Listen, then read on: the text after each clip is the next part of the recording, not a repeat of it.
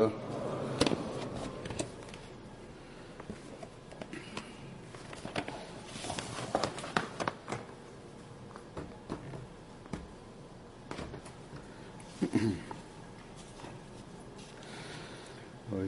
أن لا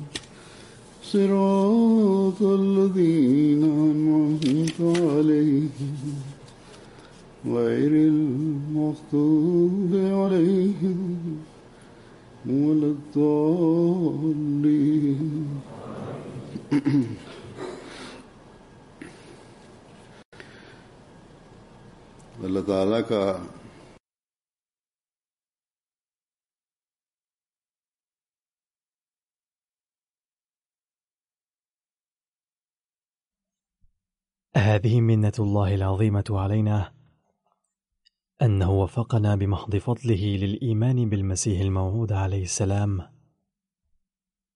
ذلك الخادم الصادق للنبي صلى الله عليه وسلم.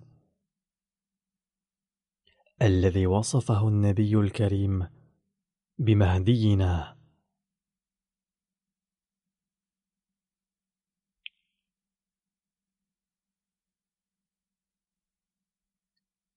إنها لدرجة سامية للتعبير عن الحب والقرب.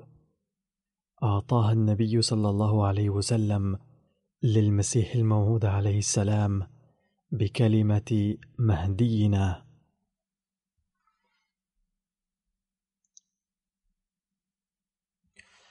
لقد أثبت المسيح الموعود عليه السلام في كتبه أن الإسلام هو الدين الأمثل والأعلى كما أنه رد اعتراضات المعترضين عليهم. وأثبت أنه إذا كان هناك دين اليوم يكفل نيل قرب الله تعالى الحقيقي ويخلص من الآثام فهو الإسلام وحده.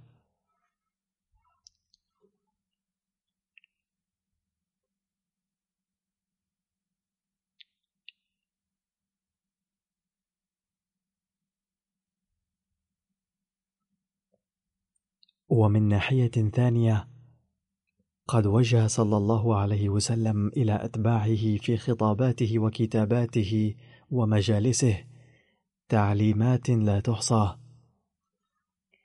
وهي ترشدنا وتهدينا عند كل خطوة.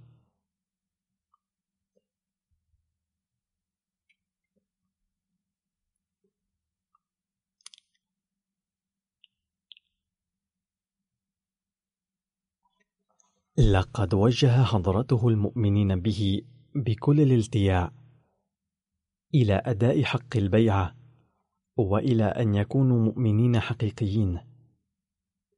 فينبغي علينا أن نضع تلك التعليمات والنصائح نصب أعيننا دوما لأنها ذريعة لتربيتنا الروحانية كما نستطيع بها الوصول إلى حقيقة الدين وتحري سبل نيل قرب الله تعالى. ويمكننا بهذه الذريعة بلوغ الأسرار والمعارف القرآنية وبها يمكننا معرفة مكانة النبي صلى الله عليه وسلم ودرجته وتصحيح حالاتنا الأقدية وتحسين حالاتنا العملية.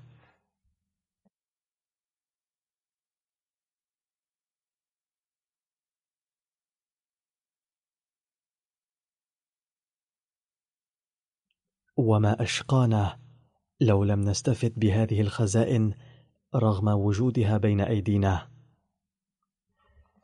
إن التأثير والقوة القدسية التي تتحلى بها كلمات المسيح الموعود عليه السلام لا يمكن أن تتحلى بها كلمات أي إنسان ولم لا يكون الأمر كذلك؟ إذ إنه هو الإمام الذي بعثه الله تعالى في هذا الزمان من أجل النشأة الثانية للإسلام ولتمكين الناس من نيل قرب الله تعالى.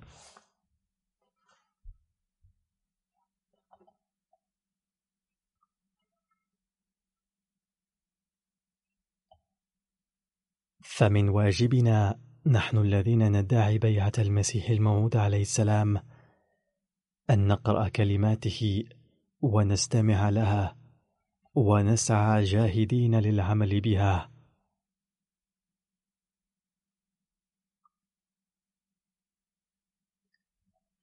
ولترقية حالتنا حتى تبلغ تلك الدرجة التي توقع المسيح الموعود عليه السلام منا الوصول إليها.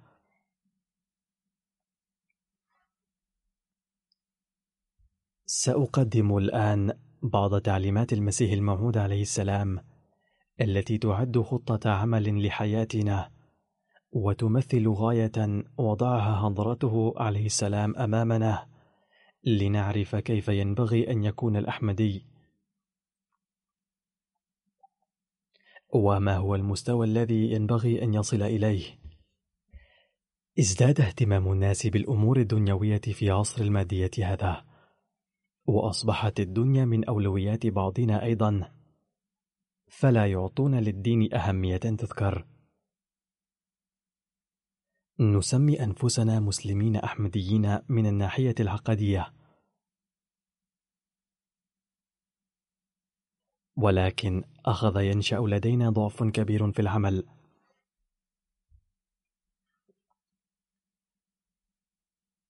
فعلى ضوء هذه التعليمات يمكن للجميع أن يحاسبوا أنفسهم ليعرفوا أين يقفون وأين ينبغي أن يكونوا.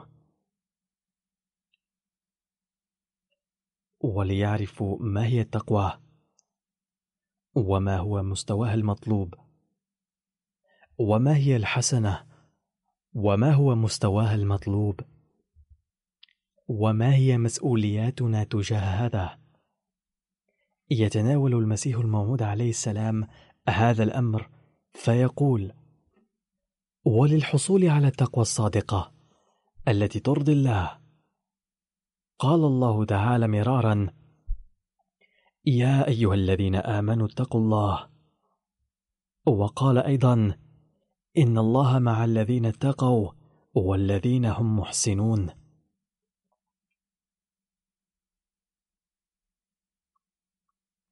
يقول حضرته المراد من التقوى هو اجتناب سيئة والمحسنون هم الذين لا يكتفون باجتناب السيئة فقط بل يكسبون الحسنات أيضا. ثم يقول الله تعالى للذين أحسنوا الحسنى.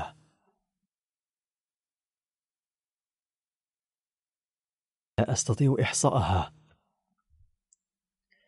ويعلم الله أنه ربما نزل هذا الوحي ألفي مرة. والهدف من ذلك هو ليعلم أفراد الجماعة أنه يجب ألا يكتفوا بأنهم انضموا إلى هذه الجماعة وألا يرضوا بالإيمان الفكري والجاف فقط. بل إن معية الله ونصرته ستحالفكم عندما تكون التقوى صادقة إلى جانب الحسنات. قال حضرته ليست مفخرة أن يفرح المرء بمجرد أنه لا يزني. أو لم يسفك الدم أو لم يقتل أحدا أو لم يسرق. أم من الفضيلة أن يفتخر المرء باجتنابه السيئات؟ فليس بأمر كبير ولا أهمية له أن يكون الإنسان مجتنبا السيئات. لأنه يعلم أنه لو سرق لقطعت يده أو سيزج به في السجن بحسب القانون. أي سيعتقل ويذوق وبال أمره.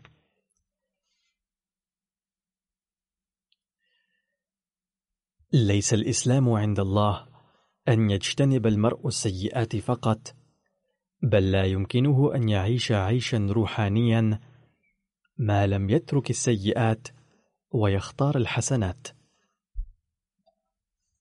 الحسنات بمنزلة الغذاء. فكما لا يمكن لأحد أن يعيش بغير الطعام. كذلك لا فائدة إن لم يعمل بالحسنات. فإن تخليتم عن السيئات وعملتم بالحسنات فستنالون الحياة الروحانية.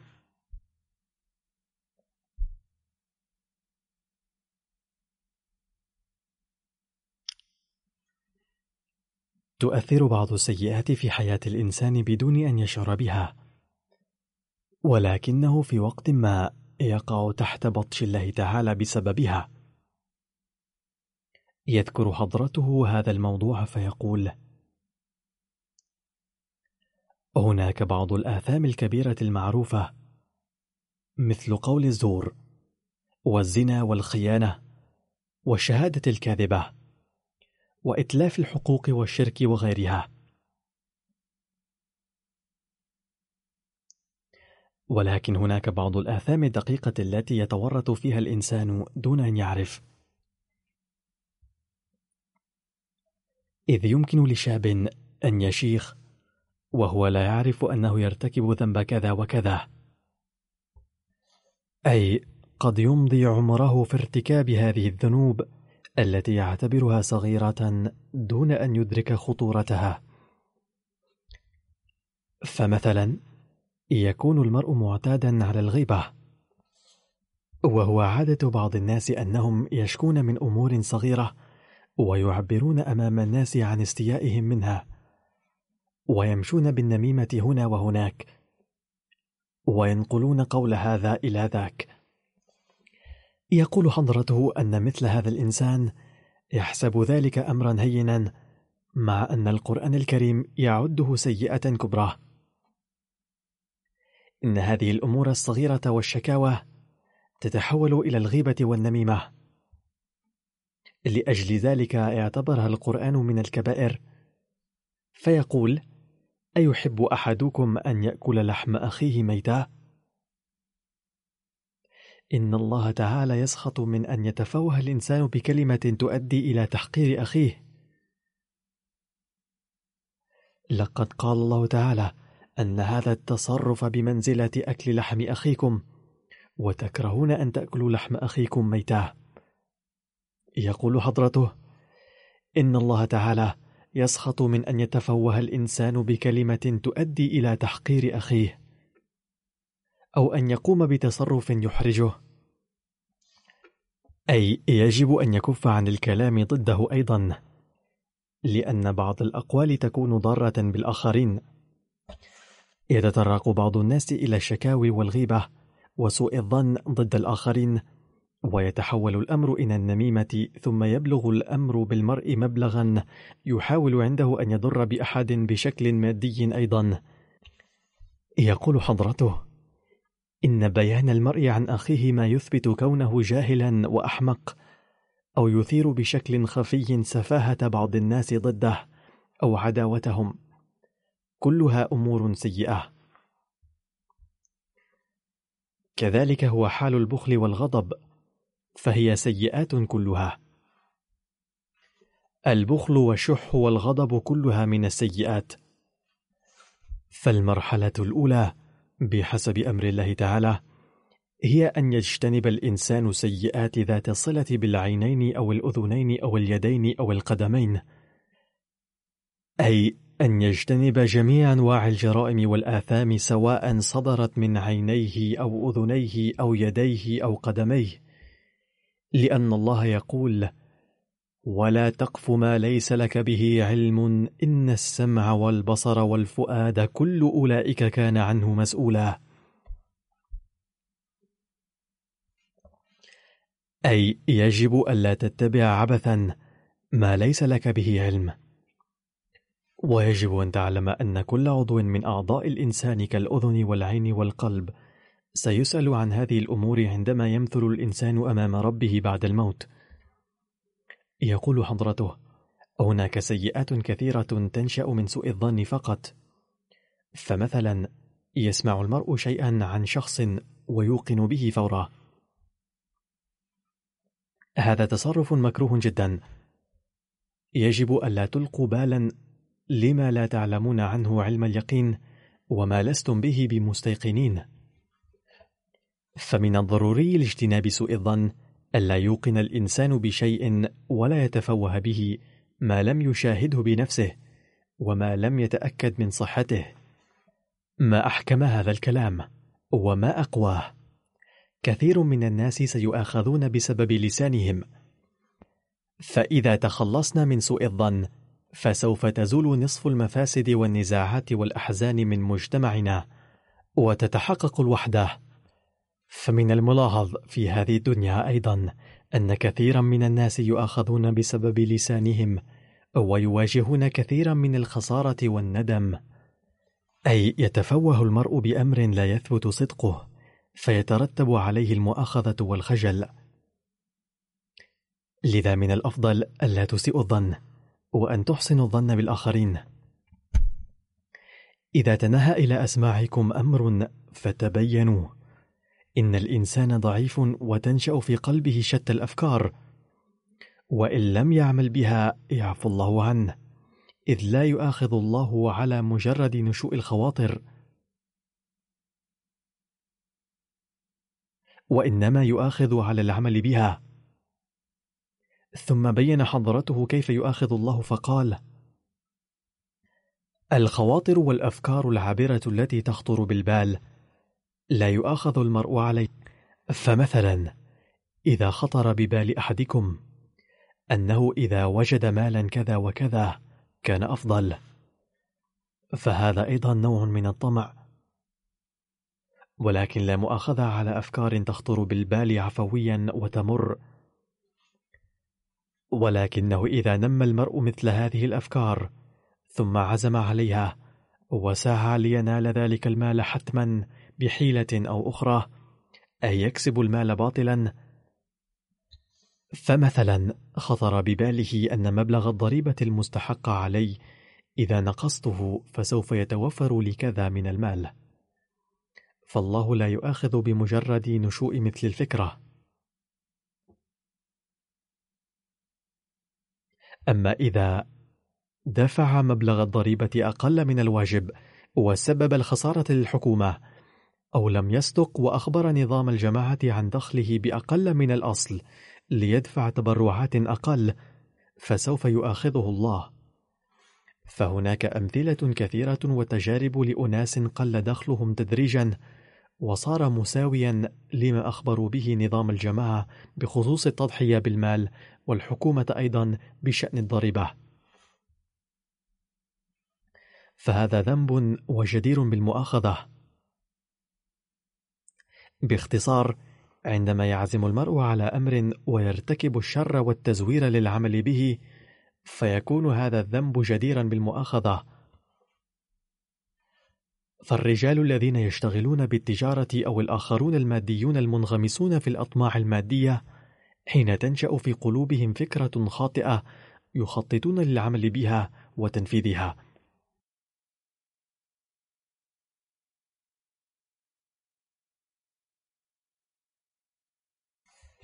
الناس لا يعيرون لمثل هذه الذنوب اهتماما لائقا فتكون سببا لهلاكهم. معظم الناس يجتنبون الذنوب الكبيرة والجلية.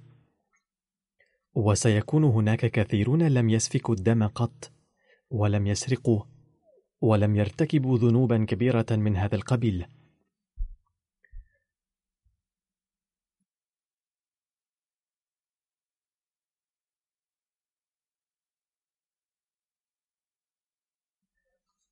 ولكن السؤال هو كم هم الذين لم يغتابوا أحدا ولم يؤذوه ولم يسيئوا إليه؟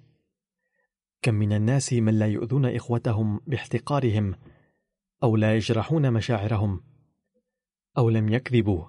فالكذب أيضا أنواع وقد قال الله للمؤمنين أنه يجب ألا يكون في كلامهم أية شائبة من الكذب ويجب أن يكون كل قولهم صدقا وحقا. أو لم يتابعوا خواطر القلب على الأقل. أي لم ينفذوا ما خطر ببالهم من أفكار. فكم يقدر عدد هؤلاء؟ أستطيع أن أقول يقينا إن قلة قليلة جدا هم الذين يهتمون بهذه الأمور. أي لا يؤذون أحدا ولا يغتابون ولا يسيئون الظن بأحد ولا يكذبون ولا يتبعون ما يخطر ببالهم من أمور سيئة ويخشون الله. أي هم لا يرتكبون هذه الأمور خشية لله وخوفا منه. وسترون غالبيتهم يكذبون وتجري في مجالسهم شكاوى الآخرين كل حين وآن. ويصيبون إخوتهم الضعفاء بأنواع الأذى يمكن أن تفحصوا مجالسكم. فليفحص كل واحد بنفسه. فسوف يرى أن الناس في مجالسهم يذكرون سيئات الآخرين ويضحكون عليهم وينشرون عيوبهم البسيطة ويسخرون منهم. الأمر الذي يؤدي إلى النزاعات. فالمعيار المطلوب للحسنات أن يجتنب المؤمن ما يتوقع منه اجتنابه.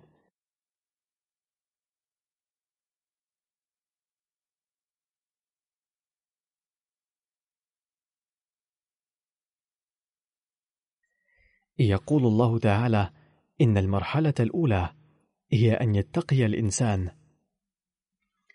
لا يسعني هنا بيان تفاصيل سيئات فالقرآن الكريم من أوله إلى آخره يتضمن الأوامر والنواهي وتفصيل أحكام الله. أي قد فصل القرآن الكريم ما الذي يجب علينا فعله وما الذي يجب علينا الامتناع عنه؟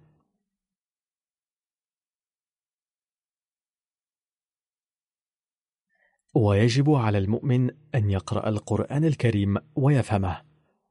فقد ذكر مئات الفروع لأنواع الأوامر المختلفة.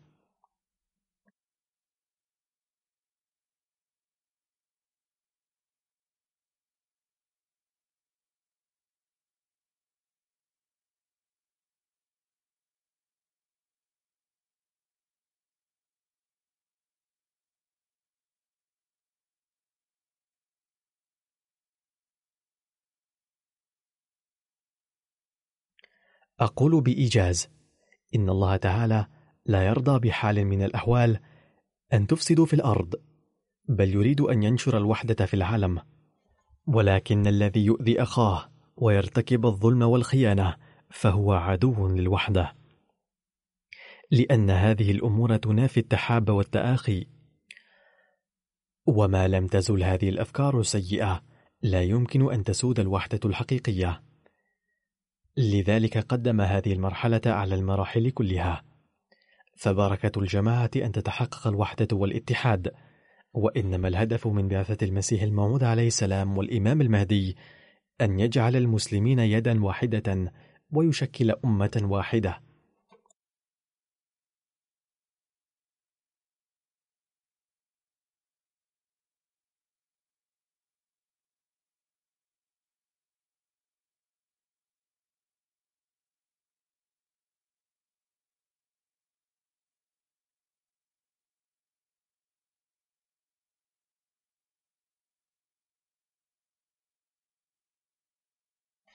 ثم يقول حضرته عليه السلام من الملاحظ بوجه عام أن معظم الناس عندما يسمعون كلاما كهذا في مجلس تتأثر قلوبهم ويستحسنونه. أي ما يسمعون من الأمور الحسنة في مجلس كما يسمع الناس الآن خطبة تتأثر بها قلوب الغالبية. فالأحمديون يكتبون ذلك في الرسائل إلي. ولكن عندما يخرجون من المجلس ويخلون إلى أصدقائهم وأحبتهم يتسبغون بصبغتهم وينسون دفعة واحدة ما سمعوه من قبل أي عن الحسنات. لذلك أقول يجب أن نذكر هذه الأمور ونضعها في الحسبان دوما لتبقى في بالنا قبل النسيان. ويعودون إلى دأبهم السابق. يجب على المرء أن يجتنب هذا التصرف. ولا بد أن يتنحى عن تلك الصحبة والمجالس التي تجري فيها الأحاديث من هذا القبيل. وإلى جانب ذلك لا بد من التذكر أيضا أن يكون مطلعا على دقائق الأعمال السيئة لأن العلم بشيء قبل طلبه ضروري. أولا وقبل كل شيء أي إذا كان المرء يريد شيئا ويتمنى الحصول عليه فيجب أن يدركه ويفهمه أولا أهو جيد أم سيء؟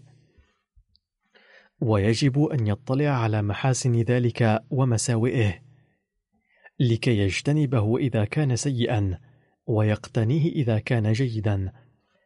فما لم يكن لدى المرء علم بشيء أن له أن يحصل عليه. لقد تناول القرآن الكريم هذا الأمر بالتفصيل مرارا. أكثر من تلاوة القرآن الكريم. وسجلوا تفصيل الأعمال السيئة. ثم اسعوا جاهدين لأن تنأوا عنها بفضل الله وتأييده. هذه هي المرحلة الأولى للتقوى. أن تجتنبوا السيئات. عندما تسيرون على هذا النحو يوفقكم الله. وتعطون شرابا كافوريا. تبرد به عواطف الذنب عندكم تماما. يقول الأطباء إن الكافور يبرد الثوائر ويستخدمه الناس في الأدوية أيضا.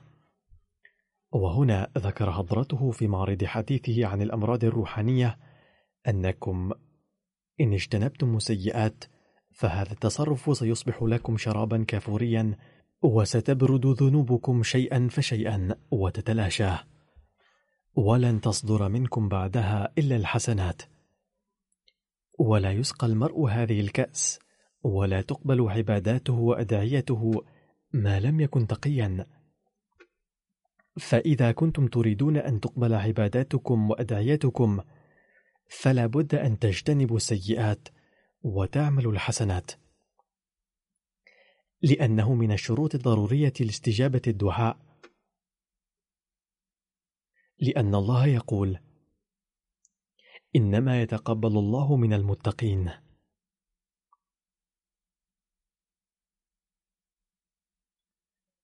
صحيح تماما أن العبادات والصلاة والصيام تقبل من المتقين فقط ولكن ما معنى قبول العبادات؟ وما المراد من ذلك؟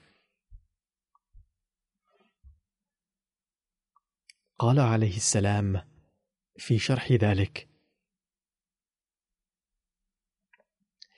حين نقول أن الصلاة قبلت يكون المراد من ذلك أن تأثيرات الصلاة وبركاتها نشأت في المصلي.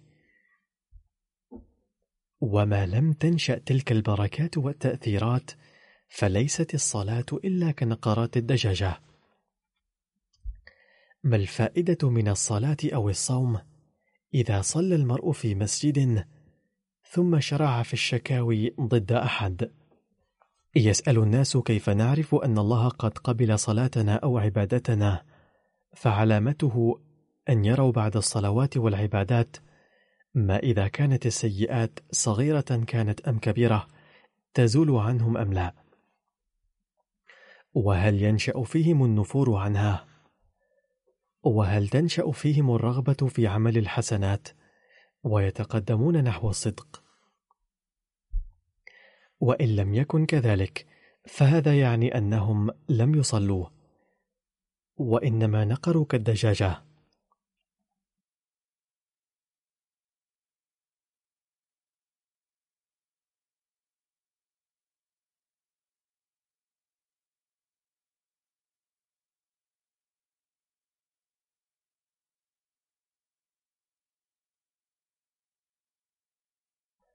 قال عليه السلام ما الفائدة من الصلاة أو الصوم؟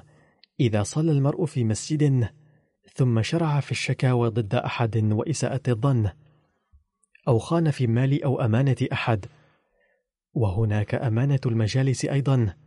يقول حضرة الخليفة يجب على المسؤولين ألا يقولوا لأحد في بيوتهم ولا لأي شخص غير معني بالأمر ما يجري في اجتماعات الجماعة ولا بد من التقيد بذلك لأن كثيرا من الفتن إنما تنشأ لما يتسرب من هذه الأمانة. فيبدأ الناس في بعض الأماكن يحسدون ويهاجمون عرض الآخرين. قال عليه السلام قولوا بالله عليكم ما فائدة صلاة المرء إذا بقي المرء متورطا في عيوب ومنكرات من هذا القبيل؟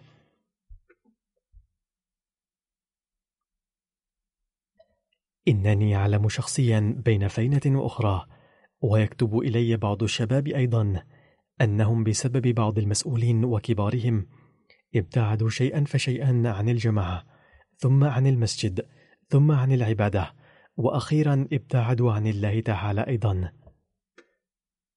فصلوات مثل هؤلاء الكبار لا تفيدهم بل في بعض الأحيان تضر بالآخرين أيضا.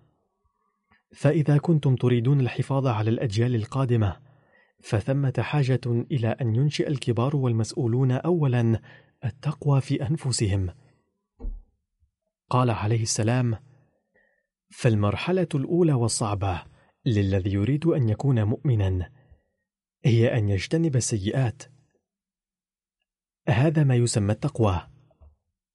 ثم قال عليه السلام في مناسبة تذكروا أيضا أنه ليس المراد من التقوى أن يجتنب المرء السيئات الكبيرة بل يجب اجتناب أدق السيئات أيضا مثل القعود في مجالس الاستهزاء والسخرية أو التي يساء فيها إلى الله ورسوله أو ينال فيها من عزة أخيه.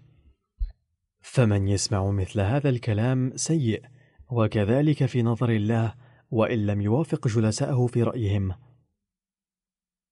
صحيح أنه لم يشاركهم الحديث ولكن لماذا استمع لمثل هذا الكلام؟ هذه شيمة الذين في قلوبهم مرض لأنه لو كان عندهم شعور كامل بالسيئة لما فعلوا ذلك ولما جلسوا في تلك المجالس ولما استمعوا لمثل هذا الكلام ثم قال عليه السلام تذكروا أيضا أن المستمع لمثل هذا الكلام كالعامل به والذين يقولون ذلك بلسانهم إنهم تحت مؤاخذة الله مباشرة لأنهم ارتكبوا ذنبا. ولكن الذين جلسوا هنالك صامتين سيشاركونهم في مغبة ذنبهم. هم أيضا آثمون وسيتحملون نتيجة ذلك. قال عليه السلام تذكروا هذا الأمر جيدا وأكثروا من قراءة القرآن الكريم لأنه حكم الله تعالى فلا بد من تذكره. فالذين يسمعون تلك الأمور ويصمتون ويظلون جالسين في هذه المجالس من أجل المتعة هم أيضا مسؤولون أمام الله تعالى.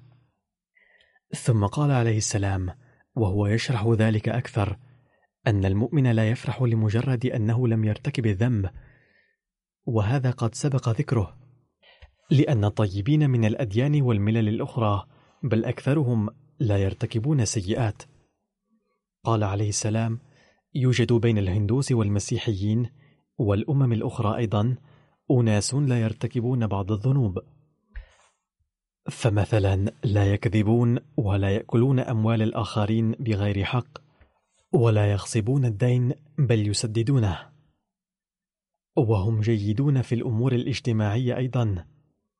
ولكن الله تعالى يقول أنه لا يرضى بذلك فقط بل يجب اجتناب السيئات وكسب الحسنات مقابلها. والنجاة مستحيلة بدون ذلك. والذي يعتز بأنه لا يرتكب السيئة هو جاهل. الإسلام لا يترك الإنسان بعد إيصاله إلى هذا المقام بل يريد أن يكمل المرء كلا الشقين. أي أن يترك المرء المنكرات بالتمام والكمال ويكسب الحسنات بكامل الإخلاص وما لم يتحقق كلا هذين الأمرين استحالت النجاة. قال عليه السلام أوصي الجماعة مرة أخرى بأن إذا تقدمتم في التقوى والطهارة سيكون الله معكم. يقول الله تعالى إن الله مع الذين اتقوا والذين هم محسنون. واعلموا يقينا أنكم إن لم تتقوا ولم تأخذوا نصيبا وافرا من البر فسيهلككم الله قبل غيركم لأنكم آمنتم بالحق ثم تنكرونه عمليا. أي آمنتم بإمام الزمان وادعيتم أنكم خير من المسلمين الآخرين؟ وتسلكون دروب الحسنات ولكن إن لم يكن فيكم التقوى عمليا فهذا يعني أنكم تنكرونه. فلا تعتمدوا أبدا ولا تعتزوا بأنكم بايعتم لأنكم لن تنجوا ما لم تتقوا حق التقاه ليس لله تعالى علاقة قرابة مع أحد ولا ينحاز إلى أحد. إن معارضين أيضا خلقه كما أنكم خلقه. الاعتقاد وحده لن ينفع. ما لم يكن قولكم وفعلكم متوافقين.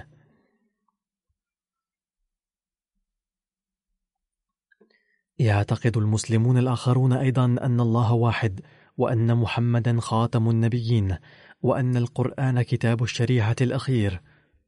وهذه عقيدتنا أيضا ولكن إذا كان هناك تناقض بين قولنا وفعلنا فلن يفيدنا اعتقادنا لأن الأصل هو العمل الذي يجب على جميعنا سعي له.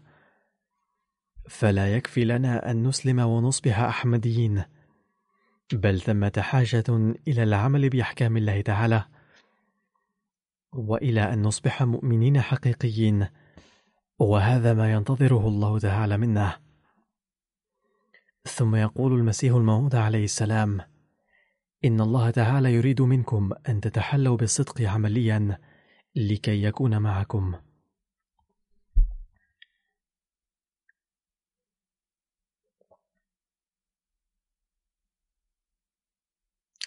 أما إذا قصرتم في التحلي بالرحمة والخلق الطيب والعمل الحسن والمواساة والحلم والتواضع فإني أعلم وقد أخبرتكم مرارا أن مثل هذه الجماعة ستهلك قبل الآخرين عندما لم يقدر قوم موسى عليه السلام أحكام الله تعالى في زمنه فإنهم قد أهلكوا بالصاعقة مع أن موسى كان بينهم فهل تظنون أنكم تنجون بمجرد بيعتي؟ ثم يضرب المسيح الموعود عليه السلام مثال الصحابة وهو يحثنا على إيثار الدين على الدنيا. إن إيثار الدين على الدنيا والتحلي بالتقوى ليس بأمر سهل. ما هي القدوة التي قدمها الصحابة في سبيل الله تعالى؟ لقد رضوا بتقديم أرواحهم في سبيل الله تعالى والتحلي بهذه الصفة أعني أن يستعد المرء لتقديم نفسه في سبيل الله تعالى ليس أمرا سهلا. ولكن حال الصحابة تكشف لنا أنهم قد أدوا هذا الواجب. لما أمروا أن يقدموا أرواحهم في هذا السبيل فلم يركنوا إلى الدنيا. فمن الضروري لكم أن تؤثروا الدين على الدنيا.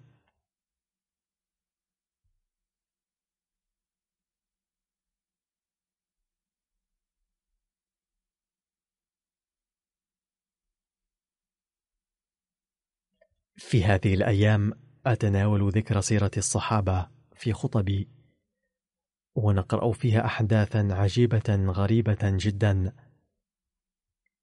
فكم كانوا يقدمون التضحيات وكم كانوا يعملون الصالحات وكم كانوا سباقين إلى التقوى وكم كان مستوى عباداتهم عاليا. إنني أذكر لكم سيرتهم لكي نطلع على قدوة هؤلاء القوم الذين قال النبي صلى الله عليه وسلم فيهم: أصحابك النجوم بأيهم اقتديتم اهتديتم. فهؤلاء الصحابة هم أسوة حسنة لنا. ثم يقول المسيح الموعود عليه السلام: اعلموا أن الذي مطلبه الدنيا بعد ذلك مع كونه في هذه الجماعة فهو ليس فيها عند الله تعالى. إنما يدخل في هذه الجماعة من يتخلى عن الدنيا. ثم يزيد حضرته عليه السلام هذا الأمر إيضاحا ويقول لا يظنن أحد منكم أنه إذا تخلى عن الدنيا فسوف يهلك. هذه فكرة تبعد عن سبيل معرفة الله تعالى. إن الله لا يضيع أبدا من يصبح له كلية بل إنه تعالى يتكفله بنفسه. إن الله كريم وإن الذي يخسر في سبيله تعالى شيئا هو الذي يجد منه شيئا. الحق والحق أقول. إن الله تعالى إنما يحب ويبارك في أولاد إنسان يعمل بأحكامه. لم يحدث قط ولن يحدث أبدا أن يكون المرء مطيعا صادقا لله تعالى ثم يدمر هو وأولاده. إنما يدمر أولئك الذين يهجرون الله تعالى ويتكالبون على الدنيا. أليس حقا أن كل شيء بيد الله؟ ولا يحرز النصر في قضية ولا يحقق النجاح في أمر ولا تتيسر راحة ولا سهولة إلا بعونه تعالى. يمكن أن ينال المرء المال والثروة ولكن من يضمن أن ماله وثراءه سينفع بعده أهله وأولاده. نرى أمثلة كثيرة لأناس نهبت أموالهم وضاعت ثرواتهم بعد موتهم. فتدبروا في هذه الأمور وأحدثوا في أنفسكم تغييرا طيبا.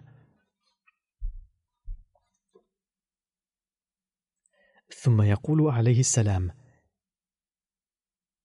إنما يثنى به على جماعتنا أو الأحمديين من مدح حتى اليوم. إنما راجع إلى ستر الله تعالى لنا. أي أن الله تعالى يستر عيوبنا. ولكن إذا حل الابتلاء والاختبار هتك ستر الإنسان. وعندها فإن المرض الذي يكون في قلب المرء يهلكه بعد أن يكمل تأثيره فيه. يتحدث هنا المسيح الموعود عليه السلام عن زمنه حين كان مستوى تقوى الأحمديين وصلاحهم أعلى بكثير مما هو عليه اليوم. ومع ذلك كانت في قلبه عليه السلام حرقة أيضا.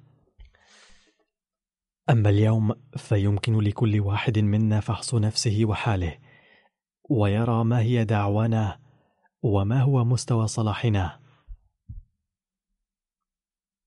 ثم يقول المسيح الموعود عليه السلام وهو يبين حقيقة المؤمن الصادق اعلموا يقينا أنما المؤمن والمبايع عند الله من يؤثر الدين على الدنيا كما يعاحد على ذلك عند البيعة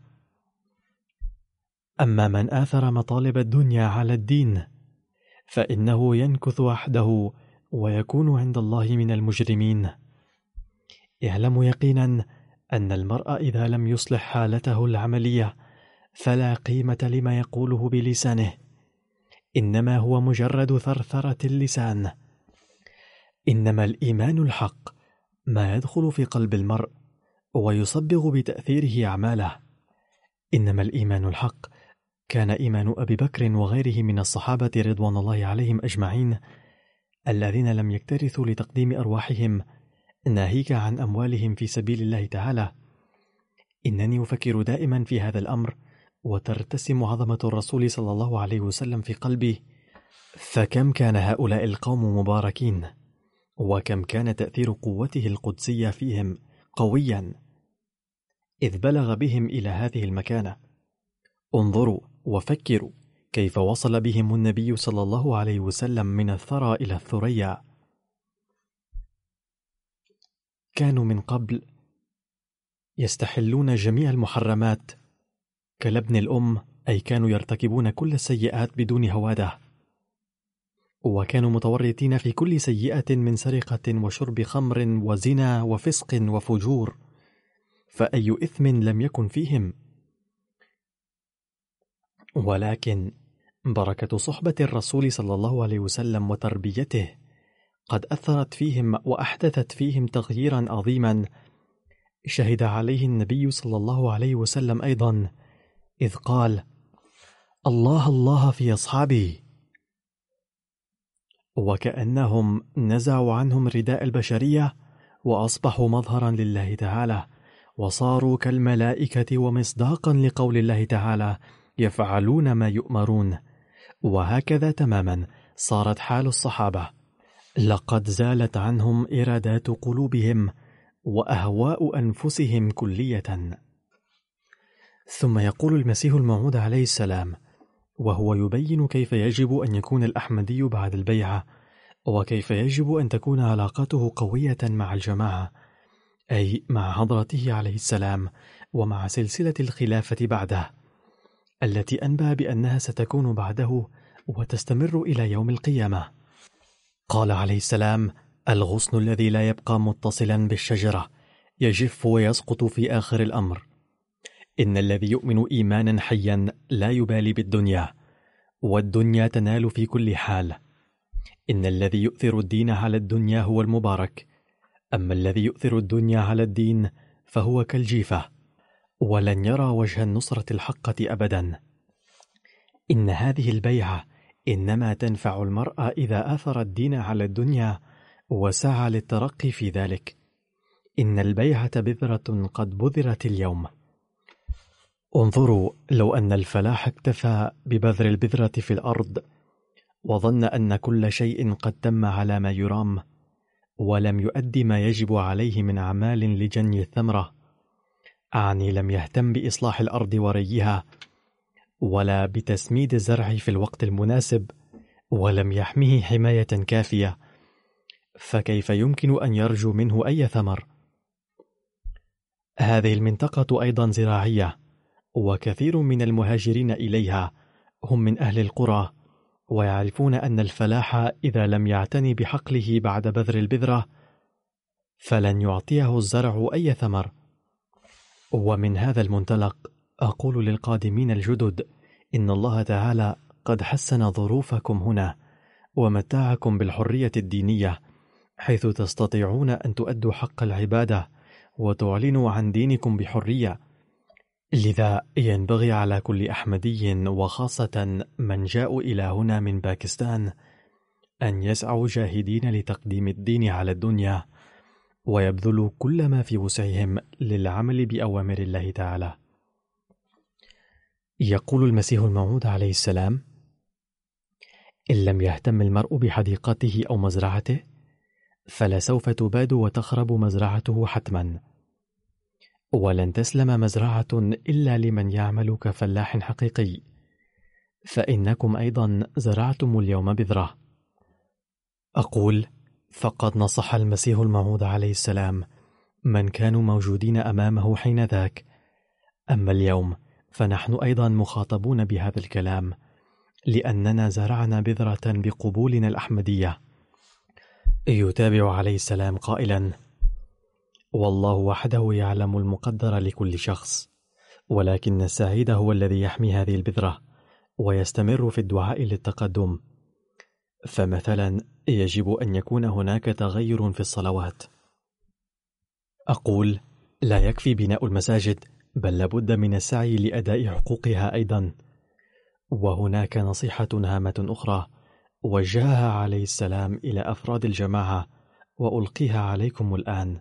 يقول عليه السلام لقد فسد الزمن كثيرا في العصر الراهن إذ قد ظهرت أنواع الشرك والبدعة وأنواع المفاسد.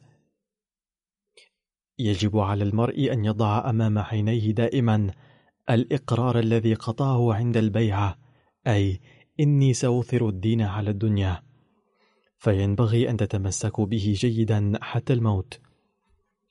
وإلا فاحسبوا كأنكم لم تبايعوا. وإذا تمسكتم به فسوف يبارك الله في الدين والدنيا.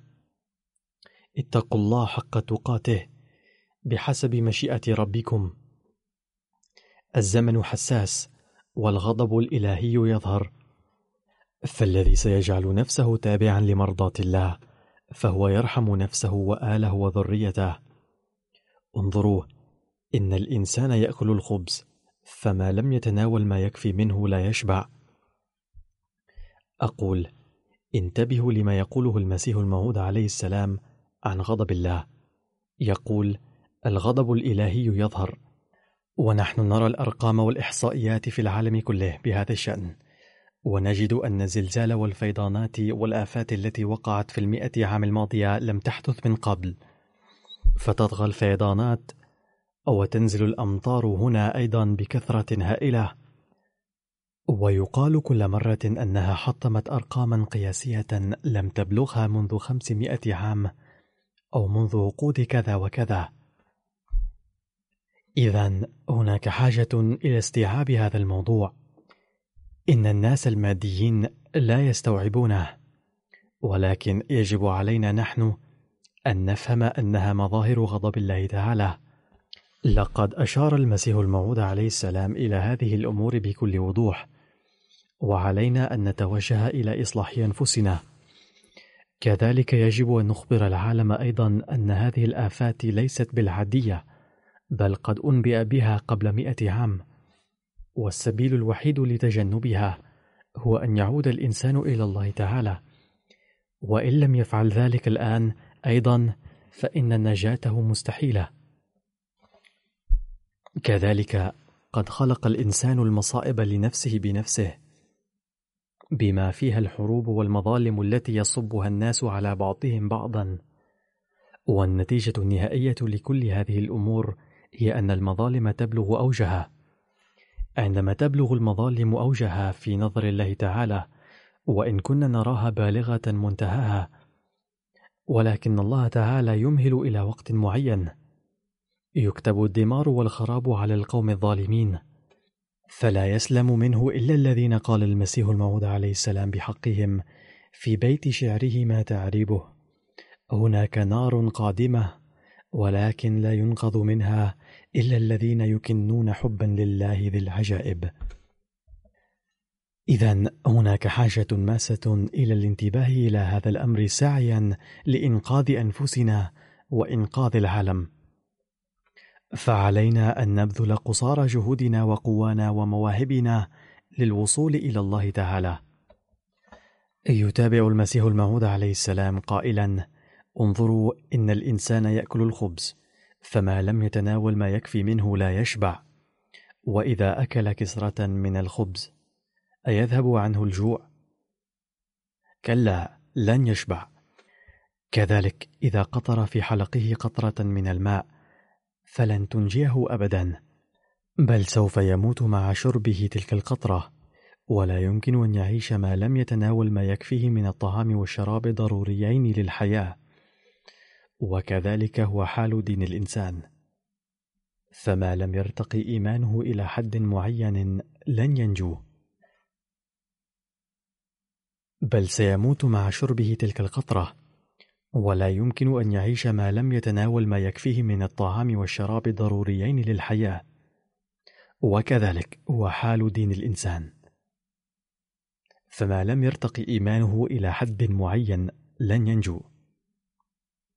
فلا بد للنجاة من التدين والاتقاء والاستجابة لأوامر الله بنفس درجة تناولنا الطعام والشراب لإزالة الجوع والعطش. تذكروا جيدا إن عدم الاستجابة لبعض أوامر الله يماثل ترك جميع أوامره. فإذا كان نصيب للشيطان ونصيب لله، فإن الله لا يحب الشراكة. ولقد أسس الله تعالى هذه الجماعة لكي يتوجه الإنسان إليه. وصحيح أن المجيء إلى الله صعب جدا، بل هو نوع من الموت، لكن الحياة أخيرا تكمن فيه. فالذي يزيل من نفسه النصيب الشيطاني هو إنسان مبارك، وتصيب بركته بيته ونفسه ومدينته كلها.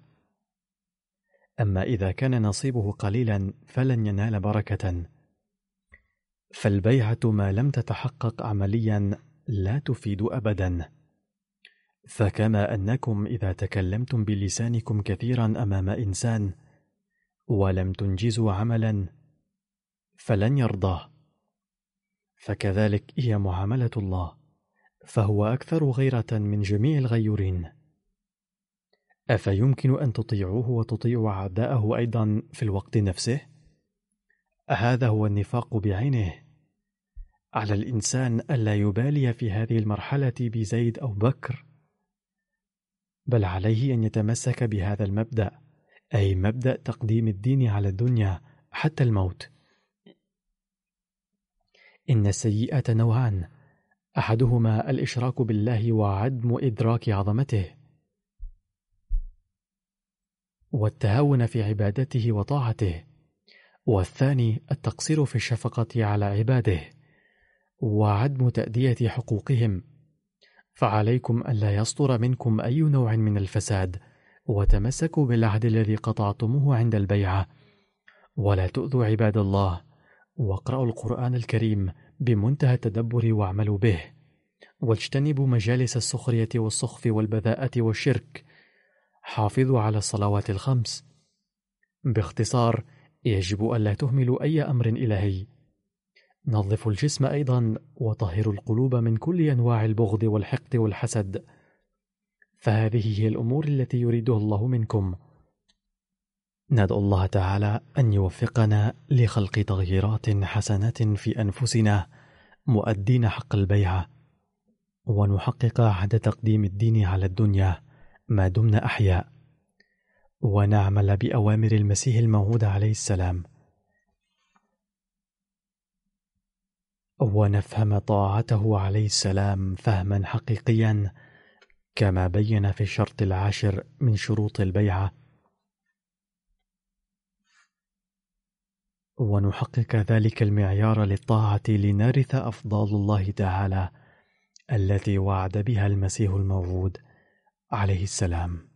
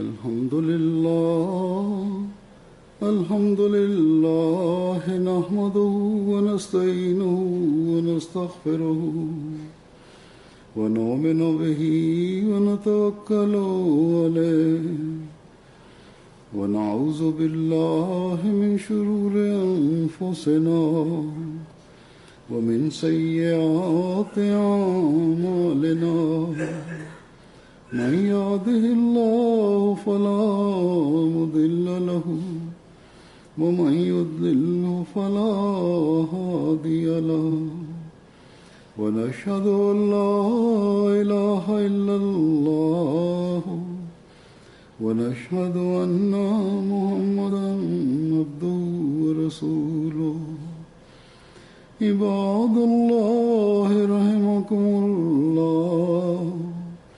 إن الله يأمر بالعدل واللسان وإيتاء ذي القربى وينهى عن الفحشاء والمنكر والبغي يعظكم لعلكم تذكرون اذكروا الله يذكركم وادعوه يستجب لكم ولذكر الله أكبر.